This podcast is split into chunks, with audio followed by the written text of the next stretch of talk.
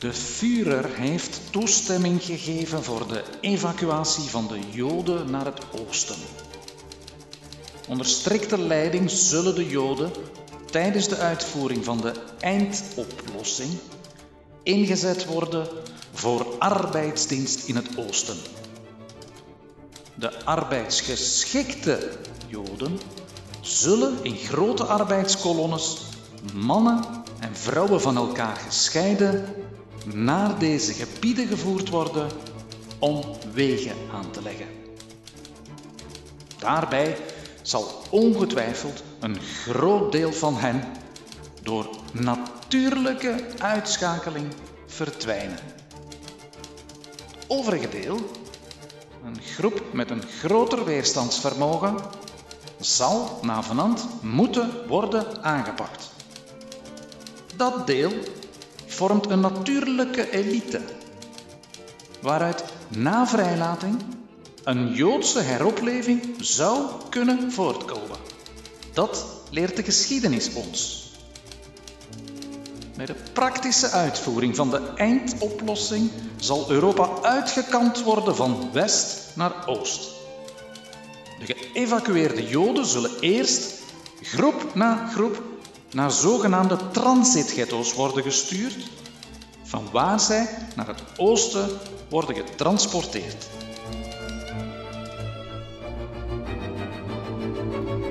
Huiveringwekkende woorden. De notulen van de Wannsee-conferentie.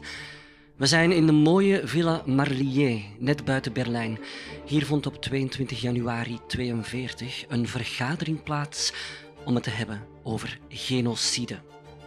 Beste luisteraar, u wees gewaarschuwd. Het wordt echt een harde aflevering. We verdiepen ons in de Shoah of de Holocaust. Dat is de bewuste moord op miljoenen door de nazi's als untermenschen bestempelde Joden, Roma, Sinti, maar ook krijgsgevangenen, getuigen van Jehovah, andersdenkende en andersgeaarde mensen.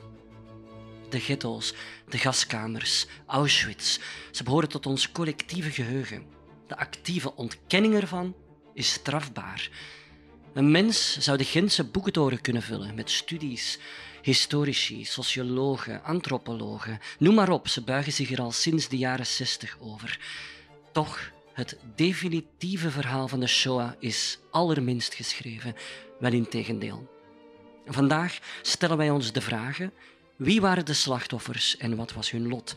Maar ook wie waren de misdadigers? Herkennen we mechanismen bij collectief geweld? Zeker, de genocide kende hoofdfiguren, beulen, psychopaten, partijideologen, maar ook hele groepen en onbekende individuen hebben het geweld omarmd.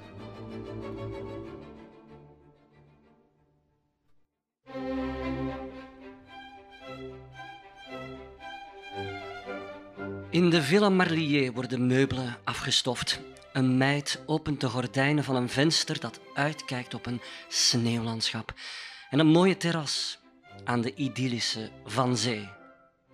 De keuken breidt zich voor op de gasten. Op de lange tafel worden vijftien naamkaartjes geplaatst.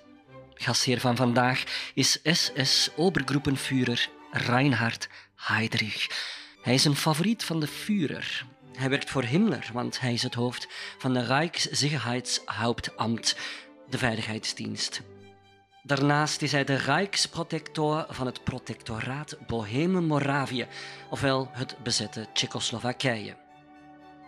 Wie heeft hij uitgenodigd vandaag? Functionarissen van de partij, de Gestapo, de ministeries van Binnen- en Buitenlandse Zaken en Justitie, plus medewerkers van de SS en de SD, de Sicherheidsdienst. Deze vergadering is voorbereid door iemand van de dienst Jodenaangelegenheden, SS-Obersturmbannführer Adolf Eichmann. Een stenograaf zal notities maken. Dat maakt in totaal 16 mannen binnen deze vier muren. De gasten zijn mondjesmaat aangekomen en de vergadering begint om 12 uur stipt. Bij elke uitnodiging heeft Heydrich een brief gevoegd waarin Hermann Göring hem belast met een totaaloplossing voor het Joodse vraagstuk in de Duits-Europese invloedssfeer. Het zijn afschuwelijke eufemismen. Dat Joodse vraagstuk betekent immers: wat vangen we aan met al die Joden? Heydrich begint de vergadering met een stavaza. Voor de oorlog hebben de nazi's de Joden gestimuleerd om vanuit zichzelf te emigreren. Dat klopt, dat zagen we al samen. Ze hoorden zogezegd niet thuis in Duitsland en het leven werd hun zuur gemaakt. Daarna heeft Eichmann het plan uitgewerkt om ze over te brengen naar Madagaskar. Maar dat bleek onhaalbaar. Joden die na 1938 bleven, werden opgesloten in concentratiekampen of ghetto's. Het begin van de oorlog, september 1939, was een belangrijk kantelpunt. Oorlog deed de rassenpolitiek, die al jaren bestond, een versnelling hoger schakelen. Zonder oorlog geen genocide. In Polen woonden miljoenen Joden, dus vrijwillige emigratie zou nooit lukken. De volgende stap was dan om ze te concentreren. In Warschau maakte de gouverneur-generaal van Polen, Hans Frank, van de Jodenwijk een ghetto. Niet-Joden moesten opkrassen en Joden die er buiten woonden, die werden gedwongen om naar deze wijk te verhuizen. In 1940 werd ze hermetisch afgesloten met een muur. In het ghetto woonden 380.000 mensen ongeveer. Dat is 30 procent van de bevolking van Warschau. Aanwezig op de vergadering is Jozef Bühler, dat is de ondergouverneur-generaal van Polen. Hij is niet te spreken over het ghetto. Van meet af aan is het overbevolkt en het wordt geteisterd door smerige ziektes. Hij deelt Heydrich en de andere aanwezigen mee dat er zo vlug mogelijk iets aan gedaan moet worden.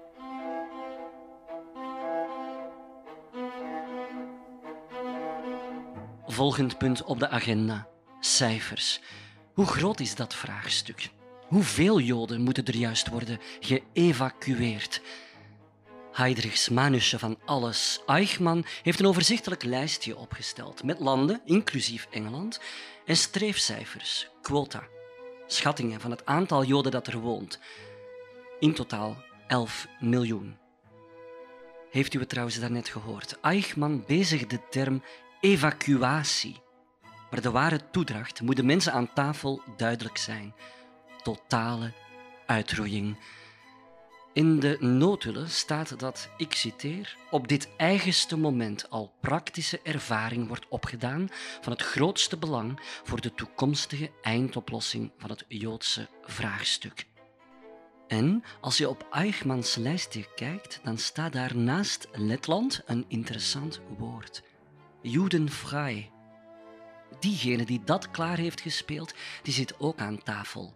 SS-Sturmbannführer Dr. Rudolf Lange, hoofd van de ZIPO-SD in Riga. Die weet wat er met evacueren naar het oosten wordt bedoeld. De massamoorden zijn namelijk al maandenlang bezig.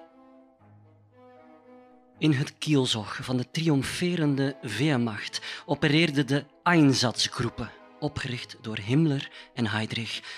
Dat waren jodenjagers, doodseskaders van de Waffen-SS, maar ook politieagenten en Wehrmachtsoldaten.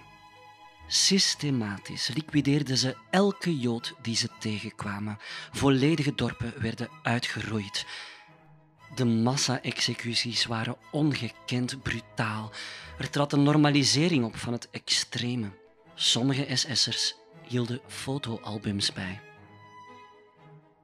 Op afgelegen plekken, vaak diep in de bossen, vielen lichamen in putten die de slachtoffers zelf hadden moeten graven. In Polen, Oekraïne en de Baltische staten deden collaborateurs vrijwillig mee. Aan gewillige beulen dus geen gebrek. De Duitsers speelden dubbel spel, bijvoorbeeld in Oekraïne. Ze werden graag gezien als de bevrijders, want in Oekraïne moesten ze weinig hebben van Moskou, maar eigenlijk vonden ze die Slavische boeren ook untermenschen. Maar de Einsatzgroepen kampten met een probleem. Het moest vlugger. Er werden langere greppels gegraven eerst, waarin de slachtoffers dan bovenop de lichamen van hun voorgangers vielen. op 29 en 30 december 1941 stonden net buiten Kiev, aan de rand van het ravijn van Babi Yar, het ravijn van de oude vrouwen, mannen, vrouwen en kinderen spiernaakt aan te schuiven. Eerst moesten ze levend in rijen op elkaar gaan liggen. Daarna werden ze doodgeschoten met machinegeweren. Vervolgens werd een laagje aarde over ze geschept, waarna de volgende rij zich moest neerleggen. Bijna 34.000 doden in twee dagen tijd. Ter vergelijking, de gaskamers van Auschwitz-Birkenau doden op hun meest productieve dagen, excuseer voor het woord, tot 9000 mensen per dag. En het moorden ging gewoon door. In totaal moeten er in het ravijn van Babi Yar tussen de 100 en 150.000 lichamen gevallen zijn.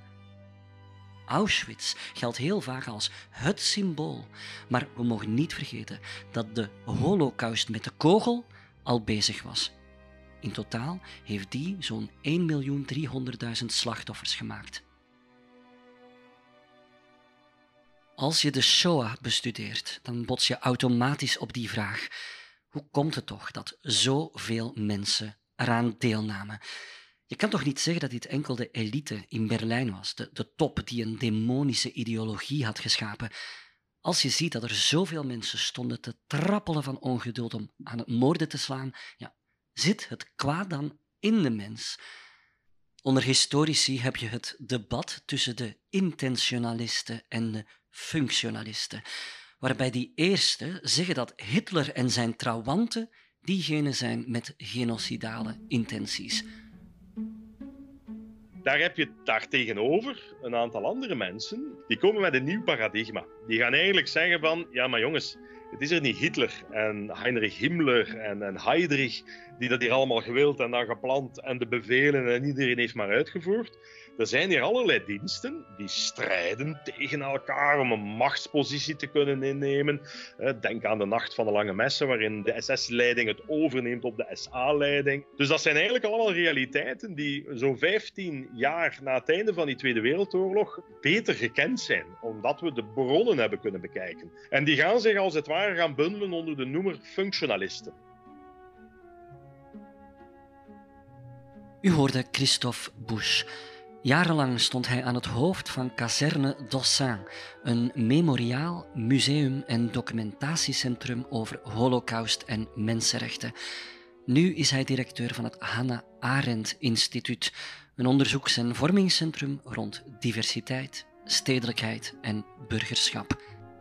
Bush is criminoloog en zijn perspectief is onder historici sterk in opmars.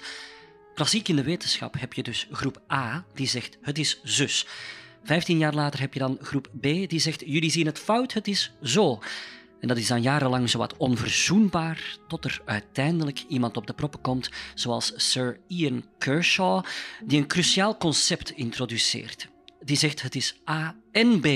Iedereen heeft wat gelijk. Uiteraard is er die intentie van bovenaf.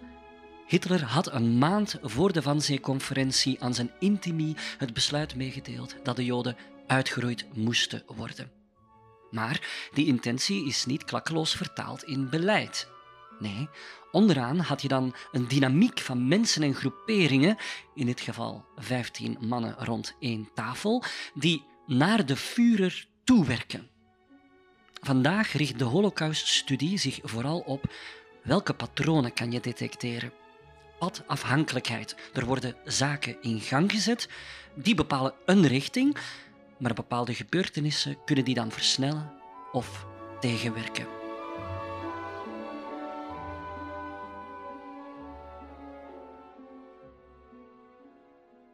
De Wannsee-conferentie met haar kaarten en tabellen toont hoe methodisch, hoe gründlich de nazi's te werk gaan. Chronologie is de moeder van de geschiedenis. Als we alle fases na elkaar bekijken, dan lijkt het een causale reeks te zijn. Eerst de haatpraat, dan de pesterijen, verplichte registratie, dan de jodenster, de deportaties naar ghetto's en dan uiteindelijk de kampen. Maar, en dat verbaast u wellicht, De industriële uitroeiing van de Joden was geen sinister masterplan dat al jaren klaar lag om stap voor stap uit te voeren. Ook dat behoort tot de achterhaalde, intentionalistische visie. Volgens Eichmann-biograaf David Cesarani moeten we af van het idee dat de Shoah een goed geoliede machine was. En als we ons blijven blind staren op Hitlers antisemitisme, dan gaan we voorbij aan zijn ware drijfveer: oorlog. Oorlog en deze keer wel winnen. Het communisme uitschakelen. Joden, die betaalden de prijs voor die oorlogszucht. Enkele voorbeelden. Die gele Davidster, het symbool van uitsluiting, die Joden trouwens ook nog zelf moesten aankopen voor 10 pfennig. Wel, die kwam er bij de Poolse bezetting in 1940 en alleen voor Poolse Joden. In het Westen kwam de verplichting er pas een jaar later, wanneer Duitsland niet meer vreesde voor een politieke reactie van de Verenigde Staten en wanneer de Duitse invasie van de Sovjet-Unie begon te stokken. Met andere woorden, drie kwart van Hitlers regime moest geen enkele Jood die ster dragen. Nog een voorbeeld, dat bloedbad van Babi Yar. Dat was een vergeldingsactie na aanslagen van partizanen op Duitsers. Dus luisteraar, onthoud, de terreur tegenover de Joden verhevigde omgekeerd evenredig met de Duitse oorlogskansen. 1942 was het ultieme kantelpunt, het echte startschot van de Endlösung. Maar Hitler was dan al bijna tien jaar aan de macht en dan was er geen sprake van een centraal georganiseerde genocide. De timing van de Wannsee-conferentie is veelzeggend. Januari 42. De Duitsers krijgen Moskou maar niet veroverd. De Amerikanen zijn in de oorlog gestapt. Dus meer dan ooit zijn het de Joden die een bolsjevistisch complot voeren en Roosevelt alles in het oor fluisteren.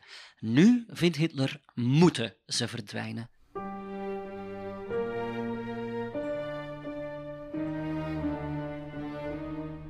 Volgende vraag. Waarom vond die uitroeiing in het oosten plaats en niet bij ons, in Vlaamse velden? In 2010 schreef historicus Timothy Snyder Bloodlands over de Oost-Europese gebieden, die eerst door het Rode Leger, daarna door de Wehrmacht en dan wederom door het Rode Leger zijn geterroriseerd. Grofweg Polen, de Baltische Staten, Oekraïne, Wit-Rusland en Westelijk Rusland. De Holocaust kon zich maar voltrekken in die landen waar de staatsstructuren vernietigd waren, waar anarchie was en waar geen enkele vorm van civiele bescherming meer bestond. Natuurlijk deden de granaten en kogels hun deel, maar er werd ook meedogenloos gemoord met knuppels, bijlen en hamers. Mensen werden opgehangen, levend verbrand. In de bloedlanden vielen 14 miljoen burgerslachtoffers. Is meer dan het dubbel van het aantal Joden. Zelfs als je bij de Holocaust de niet-Joodse slachtoffers stelt, kom je op 11 miljoen. In Oost-Europa woonden miljoenen Joden.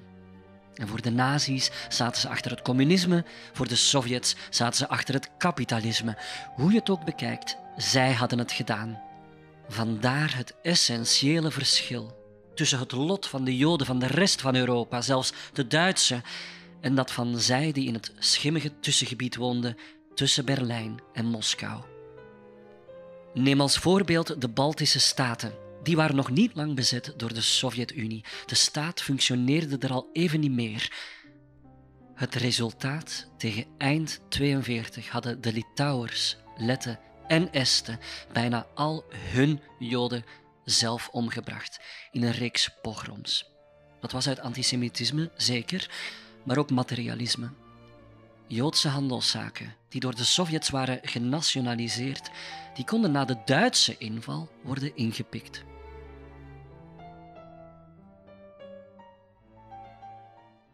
We gaan terug naar de tafel. Wat is Heydrichs doel met deze vergadering? Hij wil dat het lot van de Joden na de deportatie de unieke zaak wordt van de SS. Die bestierde namelijk het kampensysteem. De treinrit naar de kampen had plaats in beestenwagens. een nieuwe stap in het ontmenselijkingsproces. De zwakste stierven al. Mensen lagen soms drie nachten in hun vuiligheid. Sommige vrouwen bevielen. Het regime kende verschillende soorten kampen. Als voorbeeld nemen we Sachsenhausen. Dat werd op 35 kilometer van de hoofdstad gebouwd, terwijl de ogen van de hele wereld gericht waren op de Olympische Spelen van Berlijn. Aan de vergadertafel vinden we ook Erik Neumann van het Economisch Vierjarenplan. Hij pleit ervoor om het leven te sparen van die Joden die werken in fabrieken vitaal voor de oorlogsindustrie. Concentratiekampen waren arbeidslager, werkkampen. De oorlogslogica heerste en de vraag naar dwangarbeid was niet bij te houden, onder meer door bedrijven als Siemens, AEG of IG Farbe. Pool is uh, de SS'er, de derde hooggeplaatste uh, SS'er in Nazi-Duitsland. Die verantwoordelijk is ook voor het economische machtsimperium van de SS. En die gaat een berekening maken. Die zegt van kijk, wat verdienen wij nu zo aan ene gevangene? En wat treffend is aan die berekening, is dat hij eigenlijk zegt van wij verdienen zoveel Rijksmark voor een ongeschoolde, zoveel voor een geschoolde en zo. Die gevangene verdient natuurlijk zelf niets, het is de SS die dat verdient. Maar dan doet hij dat maal zoveel dagen, maal negen maanden. En dat toont eigenlijk aan dat bij je slaven gevangenispotentieel dat je hebt, dat je van een gemiddelde levensduur van negen maanden uitgaat. En dat toont het totalitarisme. Wie werk onbekwaam werd bevonden, was ten dode opgeschreven. In Sachsenhausen hebben meer dan 200.000 mensen opgesloten gezeten. Ze werden in categorieën gedeeld, met behulp van een gekleurde driehoek die op hun gestreepte kledij werd genaaid. Rode voor de politieke gevangenen, lees communisten, zwart voor asocialen, paars voor getuigen van Jehovah, roze voor homoseksuelen. Als de gevangene ook nog eens joods was, werd er een gele driehoek aan toegevoegd en dan leek het op een Davidster. Sachsenhausen was ook een krijgsgevangenenkamp. De nazi's moesten zich schikken naar strikte regels volgens de Conventie van Genève. En aanvankelijk hielden ze zich daar ook aan, op voorwaarde dat het land van de krijgsgevangenen dat ook deed.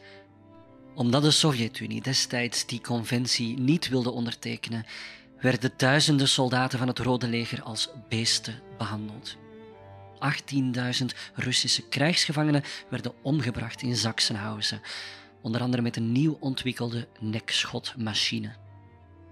In totaal stierven er in de concentratiekampen meer dan 1 miljoen mensen door ziekte, uithongering, uitputting of executie. Van wie 30 tot 50.000 in Sachsenhausen. En nu komt het belangrijkste onderdeel van de vergadering. Eigenlijk zijn de noodhullen erg beknopt. Het meeste moet mondeling gezegd zijn. Ik beeld me in hoe Eichmann de stenograaf beveelt om nu even pauze te nemen, omdat hij een nieuw soort kamp ter sprake wil brengen. Op dit moment wordt Belzec gebouwd en ook voor Auschwitz-Birkenau worden voorbereidingen getroffen. Het vernichtingslager was het ultieme nazi-kamp. Meteen na de Van Zee-conferentie worden zes vernietigingskampen opgericht. Majdanek, Belzec, Sobibor, Chelmno, Treblinka en het allerberuchtste, Auschwitz-Birkenau. Luisteraar, wat vindt u van de bewering Wir haben es nicht? Een veelgehoorde zin na de oorlog. Hoeveel geloof heeft u daaraan? Dat moest toch opvallen, dat de web van meer dan 1600 kampen, ook bij ons de doorgangskampen als de Dossin-kazerne of het veel grotere Westerbork in Nederland, of in het oosten die wagons die bomvol aankwamen, maar leeg vertrokken. Die Joodse huizen die leeg bleven staan. Volgens Christophe Busch zijn er onnoemelijk veel bronnen die aantonen dat het onmogelijk was om Duitser geweest te zijn en er niet over te hebben gelezen of gehoord. En in die beginperiode, 33, 34, ga je in de Duitse uh, kranten, als, als bioscoopjournalen, vind je en propaganda over concentratiekampen. En die worden natuurlijk voorgesteld niet als een terreurplaats, maar als een heropvoedingsinstituut. Een beetje vandaag, zoals de Chinezen hun concentratiekampen ook als heropvoedingsinstellingen voor Oeigoeren gaan presenteren. En wat krijg je dan? Dan krijg je een algehele bewustzijn waarin mensen natuurlijk niet in detail weten wat daar gebeurt, maar wel weten, daar wil ik niet terechtkomen. En dat is de functie die een kamp heeft. En dat maakt dat je vandaag kunt gaan zien, de terreur, de beginnende terreur in de concentratiekampen, die is eigenlijk gekend. Mensen raken daar ook uit, ontsnappen, gaan in de verbannen pers allerlei verhalen gaan. Dus dat, dat komt heel breed maatschappelijk, hè, is dit gekend. Vanaf 35, 36 eh, dan gaat eigenlijk die propaganda veel minder zijn. Maar dan gaat dat niet zozeer meer over de slachtoffers die erin zitten of de gevaarlijke elementen die ze opsluiten, maar wel over het harde werk voor de bewaking om zo'n kamp te managen. Dat zijn de verhalen die je dan krijgt. En vanaf 39 wordt er niet meer gecommuniceerd. Ik bedoel, in 42, een, een paar maanden na de grote vernietigingsmachinerie die in gang treedt in de vernietigingskampen, lezen we vandaag de rapporten. Zes maanden later, gedetailleerde beschrijvingen, soms natuurlijk ook met verkeerde namen en zo verder. Maar wat merk je? Het Poolse verzet weet dat, documenteert dat, schrijft dat. In de UK, in Londen, in Amerika publiceert men. Je kan ze lezen vandaag, de boekjes van 42, 43, waarin je eigenlijk leest wat er in Auschwitz aan het gebeuren is. Een kampbewaker moest een zwijgcontract tekenen, maar kreeg in de zomer wel bezoek van zijn vrouw. Zij moet de stank van de crematoria hebben geroken. Ook schreven Oostfronters soms over de massa-executies aan hun familie, of ze praten erover op verlof in Duitsland.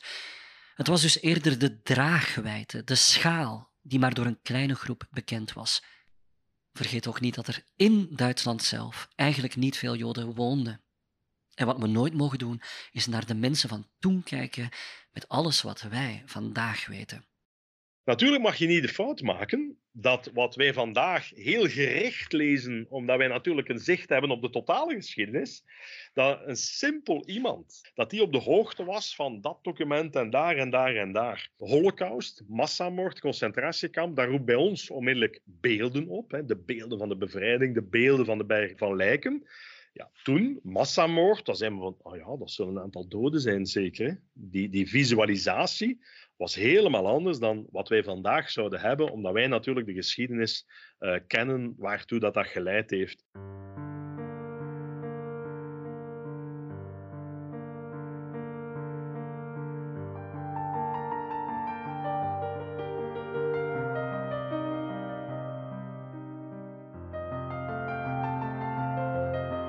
Twee werelden. Ik bedoel, we hebben warme kleren aan, we hebben genoeg eten en dan loop je daar rond. En dat is niet helemaal wezenlijk om te weten dat er zoveel mensen zo hard hebben geleden.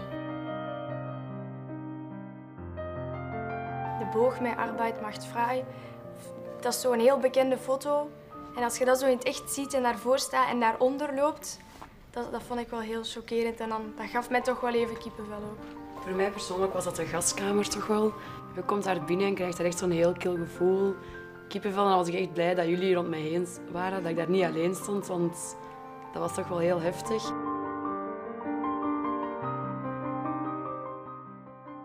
U hoorde een fragment van de zevende dag met enkele oud-leerlingen van me, van begin 2020. Vlak voor de uitbraak van de pandemie bezochten we Auschwitz-Birkenau. Het zou de laatste uitstap zijn in lange tijd en lang geen plezierreisje. Waarom stond het kamp net daar? Rubber, dat was uberbelangrijk voor de oorlog. Denk aan rupsvoertuigen, panden enzovoort.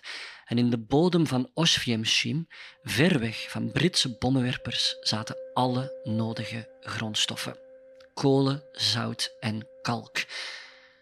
Auschwitz, zoals de Duitsers het noemden, was het basiskamp waar het mee begon en dat nu als museale ruimte dient.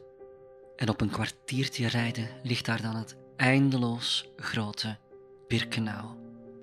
Het eindstation van de trein met de beruchte dodenpoort en de Jodenrampen, een perron. Wanneer de treinen aankwamen, werd hun menselijke inhoud door de SS'ers geselecteerd. Mannen werden gescheiden van vrouwen en kinderen. Het was de plek waar een vader zijn dochter, zoon en vrouw voor de laatste keer zag. Hierna onderzocht een SS-arts snel elke persoon om te beslissen of die arbeidsfähig was, in staat om te werken. Die SS'er wees dan naar links of rechts. Zo'n 400.000 mensen wisten niet dat ze werden geselecteerd om te werken en zo'n 900.000 mensen dat ze een gewisse dood tegemoet gingen. Zuigelingen, kinderen, zwangere vrouwen, ouderen vandaag, personen met een beperking en zieken maakten nauwelijks kans om deze eerste selectie te overleven. Wie toch gezond was, werd naar de sauna gestuurd, een soort doorgangsgebouw. Hier namen ze alles af wat de gevangene bezat, zelfs haar. Ze moesten een douche nemen, kregen een gestreept gevangenisplunje en een nummer op de arm getatoeëerd. De ontmenselijking was nu compleet. Auschwitz was een tranendal, een afdaling naar de hel, waar mensen onderworpen werden aan een hongerregime en als dieren moesten overleven. Vlektyfus, dysenterie, de ondraaglijke jeuk van schurft. De voortdurende angst voor de willekeur van de blaffende SS. Tussen de gevangenen werd concurrentie in stand gehouden.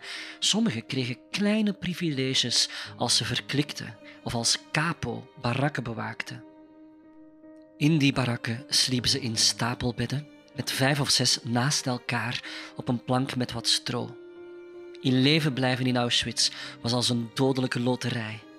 De ene klampte zich vast aan hoop, de andere overtrad met opzet een regel om gedood te worden of stortte zich op het elektrische hek. Zonder commando's waren Joodse gevangenen die gedwongen werden mee te helpen in ruil voor een ietsje langer leven. Op zondag moesten ze wel eens een potje voetbal spelen tegen de SS op een voetbalveld in Birkenau. De waanzin voorbij.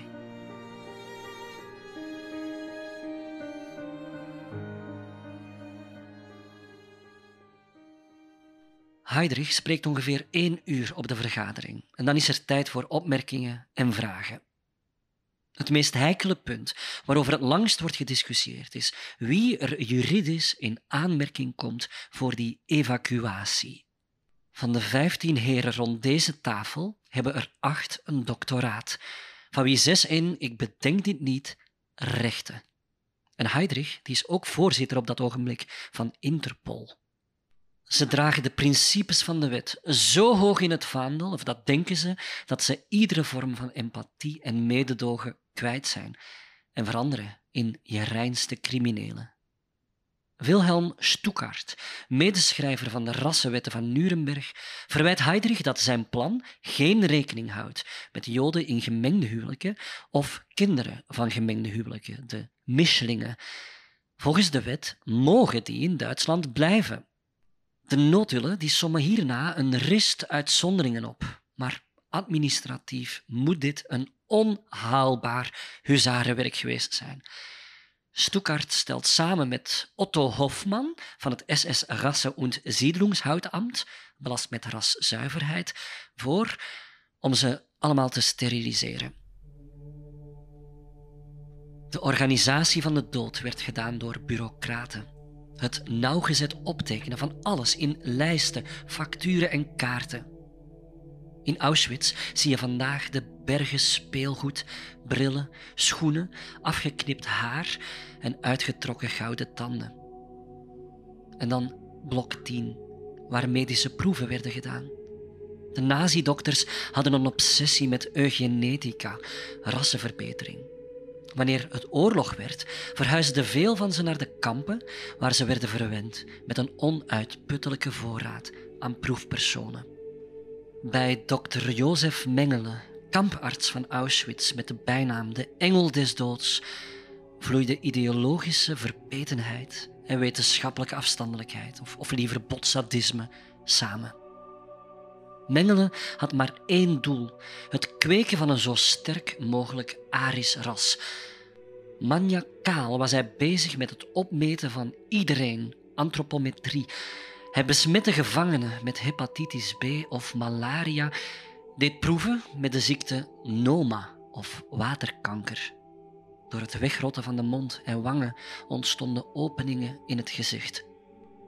Mensen in witte jassen observeerden het uithoudingsvermogen van gevangenen die in ijskoud water zaten of hoge drukcabines. Mengele was bijzonder geïnteresseerd in tweelingen. Hij vergeleek hun reactie na toediening van ziektekiemen. Hij deed beenmergpuncties en regelmatig verwisselde hij onderling hun bloed. Met naald en draad, zonder verdoving, probeerde hij om een Siamese tweeling te construeren. Om de ogen van zijn proefkonijnen blauw te maken, injecteerde hij ze met methyleen blauw of hij diende oogdruppels toe, vaak met blindheid als gevolg. Wanneer een helft van een tweeling stierf, doodde Mengele de andere met een dosis fenol in het hart. Dat lichaam verhuisde dan naar het laboratorium voor dissectie. Op de vergadering moet gepraat zijn over de gaskamers. In de notulen staat helemaal op het einde dat de voorbereidingen van de eindoplossing meteen en zonder dat de bevolking het merkt moeten beginnen. Proeven met koolstofmonoxide hebben al plaatsgehad in de Action T4, het eliminatieprogramma van mensen met een beperking. Die werden in vrachtwagens geduwd en de uitlaatgassen deden het werk. Achter gesloten deuren. Zo was de kans op opstanden kleiner. En het was ook humaner voor de daders.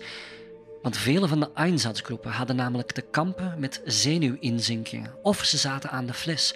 Elke dag die Oekraïense greppels, dat woog op den duur. Gas was ook veel goedkoper dan kogels die ze elders konden gebruiken. Gaskamers waren de meest efficiënte manier van industriële moord. Mensen die niet meer konden werken, werden naar een grote kleedkamer gebracht.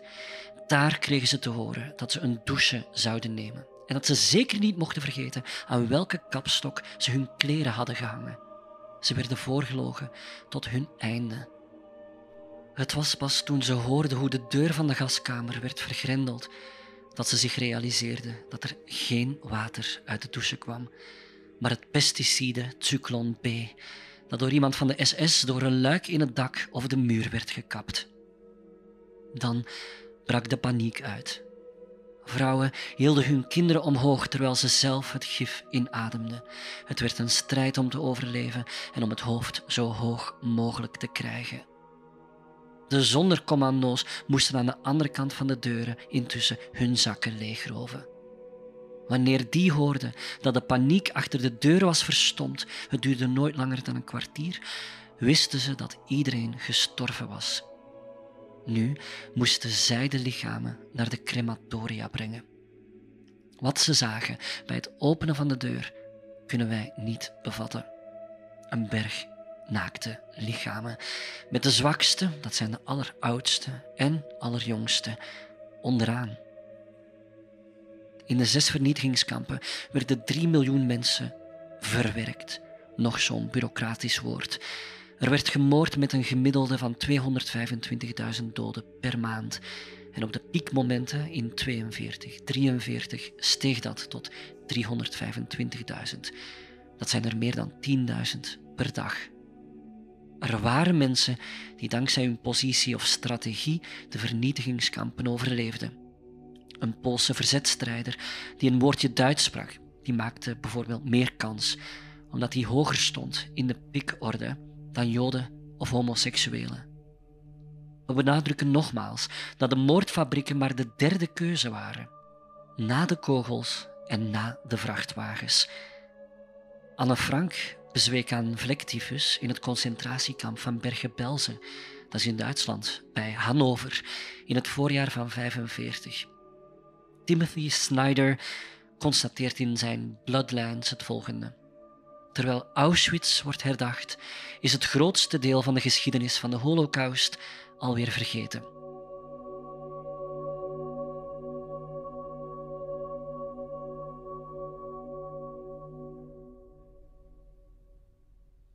Deze aflevering schrijven was voor ons heel moeilijk. Als geschiedenisleraar zijn conflict en massageweld altijd aanwezig. Maar de Shoah is toch buiten categorie. De vraag dient zich aan: is de Shoah echt uniek? Voor mij is de Holocaust uniek, omdat dat eigenlijk een van de eerste grote uh, ja, genocidale conflicten is die we gehad hebben, waarin je toch wel dat fenomeen van moderniteit, bureaucratisering, feilloos geïmplementeerd gaat zien. Dus het segmenteren van het moordproces, daar zit je met bepaalde voorbereidingen natuurlijk. Van die gedwongen immigratie gaat uiteindelijk naar, naar vervolging en genocidaire logica. Wat krijg je dan als fenomeen? Dat die segmentering van de taken ervoor zorgt dat elk individu, een radertje in dat mechanisme, zich niet verantwoordelijk voelt voor dat eindproces. Ontelbaar veel mensen werkten mee, van de Atlantische Oceaan tot de Oeral in 1961 staarde de filosofe Hannah Arendt in de ogen van Adolf Eichmann op de beklaagde bank. En ze vroeg zich af hoe kon dat iele kleine mannetje zich ontpoppen tot de dodelijkste ambtenaar uit de geschiedenis. Het ultieme kwaad zag er toch wel heel banaal uit zij zegt natuurlijk, het probleem is niet dat die daders allemaal abnormale mensen, gestoorden waren, hè, die intrinsiek waren geboren, ofwel uh, abnormaal, een psychopathologie hadden.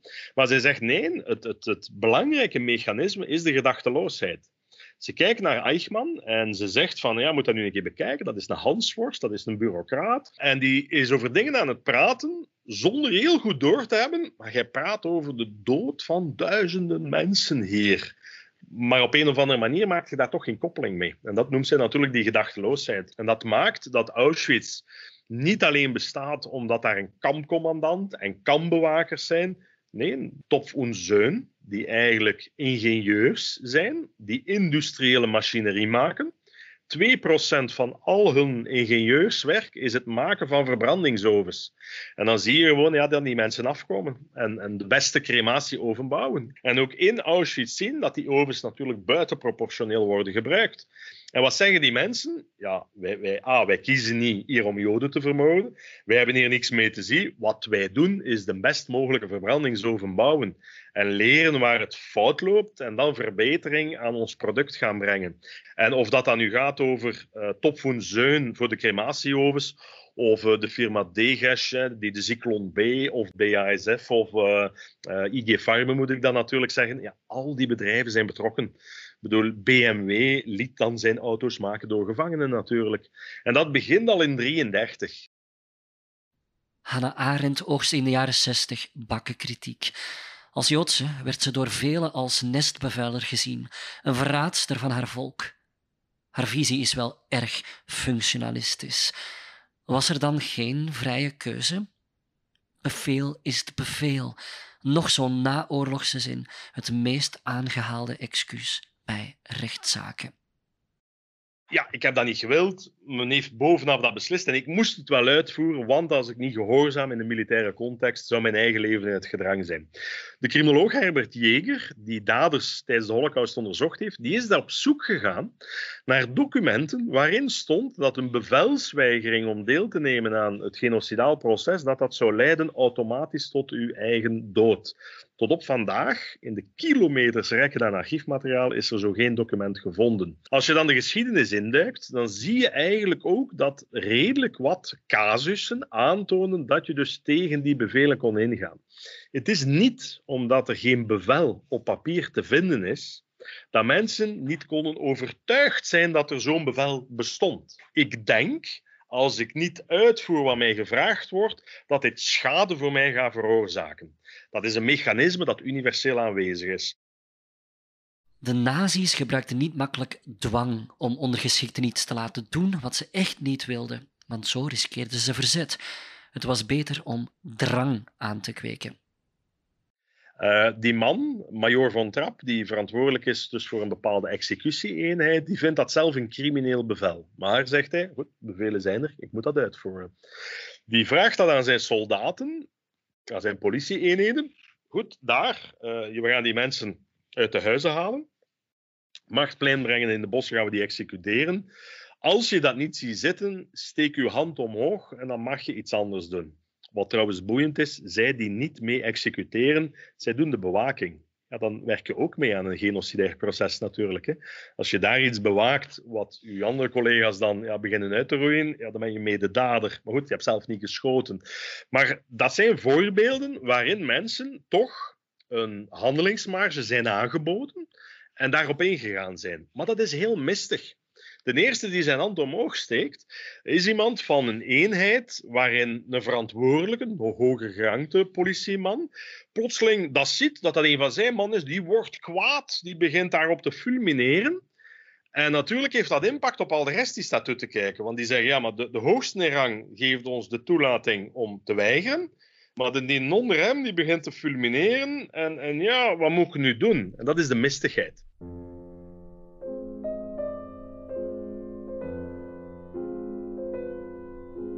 Wat vindt u het ergst? De beveeldaden, dus orders opvolgen, of die op eigen initiatief? Als je bevelen opvolgt, heb je toch ook een verantwoordelijkheid. Je voert een deel uit, maar die is wellicht minder groot dan die van iemand in een machtspositie.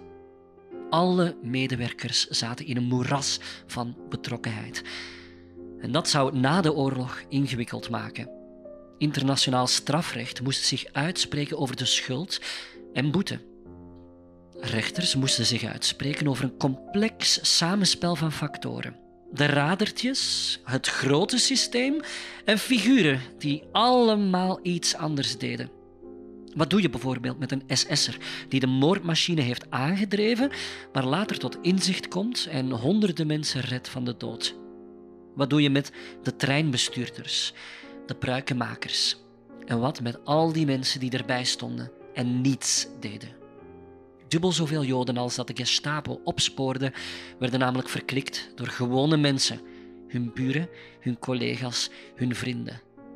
Kortom, hoe oordeel je over een individu in een verhaal van collectief geweld? We zijn aan het einde van de vergadering. Tijd voor een buffetlunch. Cognac wordt uitgeschonken. De mannen staan of zitten in groepjes na te praten. Uitgelaten, er worden grapjes gemaakt. En deze keer spreken ze niet in bedekte termen. Deze vergadering ging niet over of de endleuzing van start mocht gaan, zelfs niet over wanneer. Ze ging over hoe vlug. En hoe lang denkt u dat deze mannen nu eigenlijk beraadslaagd hebben om af te kloppen op de grootschaligste misdaad uit de geschiedenis van de mensheid? ja, toch wel een dikke anderhalf uur. Twee luisterbeurten van een gemiddelde aflevering van onze podcast.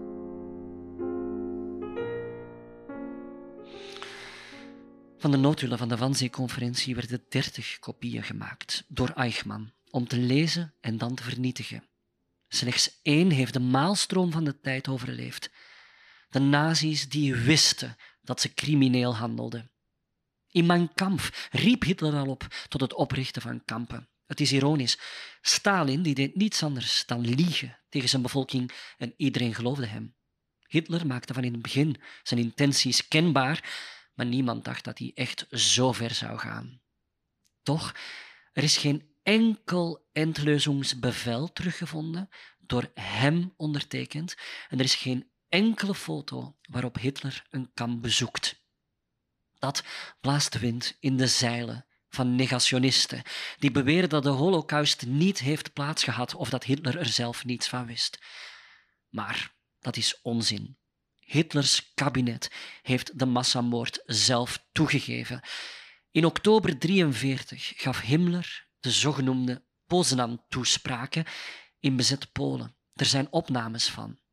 Hij sprak er SS'ers toe en hij zei erbij dat ze er in het openbaar niet over mochten spreken.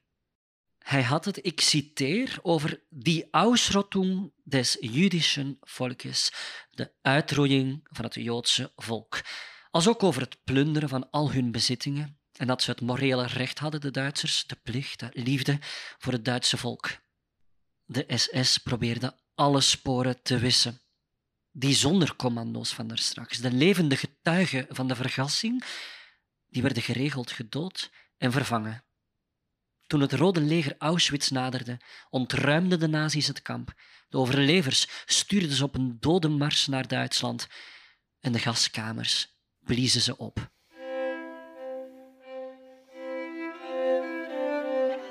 De mannen aan de Vanzee zijn vertrokken. Heydrich en Eichmann blijven nog even napraten met een glas. Misschien legt Heydrich wel een plaat op. Hij is een begenadigd violist en hij houdt van de grote componisten, vooral Bach. Hij moet ook tevreden zijn. Alle organen van de staat doen mee met zijn plan en de SS heeft de eindverantwoordelijkheid. Hij overweegt ook om van deze villa zijn verblijfplaats te maken bij de hoofdstad. Eichmann die moet nu de beslissingen in de praktijk brengen. Een zaak waar hij later over zegt dat hij ze met trots heeft gedaan. Het streefcijfer van 11 miljoen zal hij niet halen. Maar twee jaar na deze vergadering zal het grootste deel van de Europese Joden, bij benadering 6 miljoen, de dood hebben gevonden. Heydrich gaat na de vergadering terug naar Tsjechoslowakije, waar hij al snel de bijnamen het blonde beest en de slager van Praag zal krijgen. In de lente van 42 loopt hij een schotwond op in een verzetsactie. Uit woede laat Hitler twee Tsjechische dorpen volledig van de kaart vegen. Het brein achter de holocaust zal een week later overlijden. Eichmann weet na de oorlog te ontkomen naar Argentinië, waar de Israëlische Mossad hem op het spoor komt. Op een spectaculaire manier wordt hij gekidnapt, zodat hij terecht kan staan in Jeruzalem. Hij wordt er veroordeeld tot de strop. Zijn assen worden in de Middellandse Zee gedumpt. Villa Marlier zou zonder de Van Zee-conferentie waarschijnlijk onbekend zijn, bewoond door een of andere zakenman.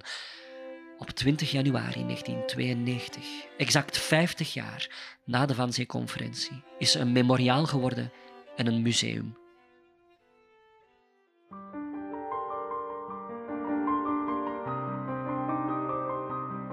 Ja, dat is zo erg wat er allemaal gebeurd is. En als je dat niet weet, ja, zoals dat je zegt, ja, wie zijn verleden niet kent, is gedoemd om ze te herbeleven. Ja. Ik denk dat dat ook wel echt zo is. Ik denk zowel antisemitisme als racisme in het algemeen nog altijd in de maatschappij uh, merkbaar zijn. Uh, tegen andere gemeenschappen is er ook heel veel haat in de, de, politiek ook. Dus. Tegen de islam hoor je wel heel vaak opmerkingen. Ik heb soms daar wel wat schrik voor.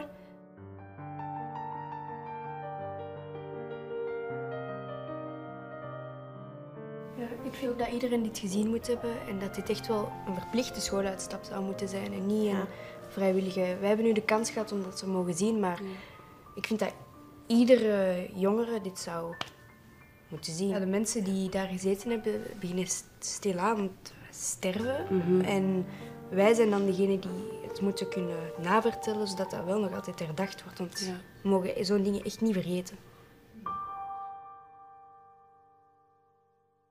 Ze klinken bezorgd over de toekomst. Ook al hebben zij geen rassenleer gekregen bij ons op school. Maar ook al zijn er vandaag vergelijkingen te maken met de jaren 30, tussen polarisatie en Auschwitz zitten vele stappen. Auschwitz was het eindpunt van een proces dat al twaalf jaar duurde, een proces van indoctrinatie. Geschiedenis herhaalt zich niet, maar ze rijmt wel vaak. Er zijn heel veel verschillen met toen. We leven in een geglobaliseerde wereld met een andere technologie. Er zijn de Verenigde Naties. We stelden Christophe Bush nog één vraag. Denkt hij dat deze genocidale logica ooit terug zou kunnen komen? Die constructies die komen vandaag weer in opgang. En dat is eigenlijk wel zorgwekkend. En dan ga je bijvoorbeeld in extremistische milieus, waar het negationisme soms ook kan tieren, uh, ook naar boven komen. En dan krijg je niet alleen een ontkenning van de holocaust, een ontkenning van de schade die destijds en masse is veroorzaakt, maar eigenlijk ook weer een aantal logica's, zoals uh, een omvolkingstheorie, een crisisnarratief. We worden omgevolkt. Uh, en, en blindelings zal de blanke man verdrukt worden in deze samenleving. Ja, dat zijn narratieven die je ook begin de jaren 20, 30 hoorde. Hè? ja, we weten eigenlijk dat dat compleet pseudowetenschap is, maar dat is nog niet geborgen. Het is niet na 45 dat we daarvan verlost zijn.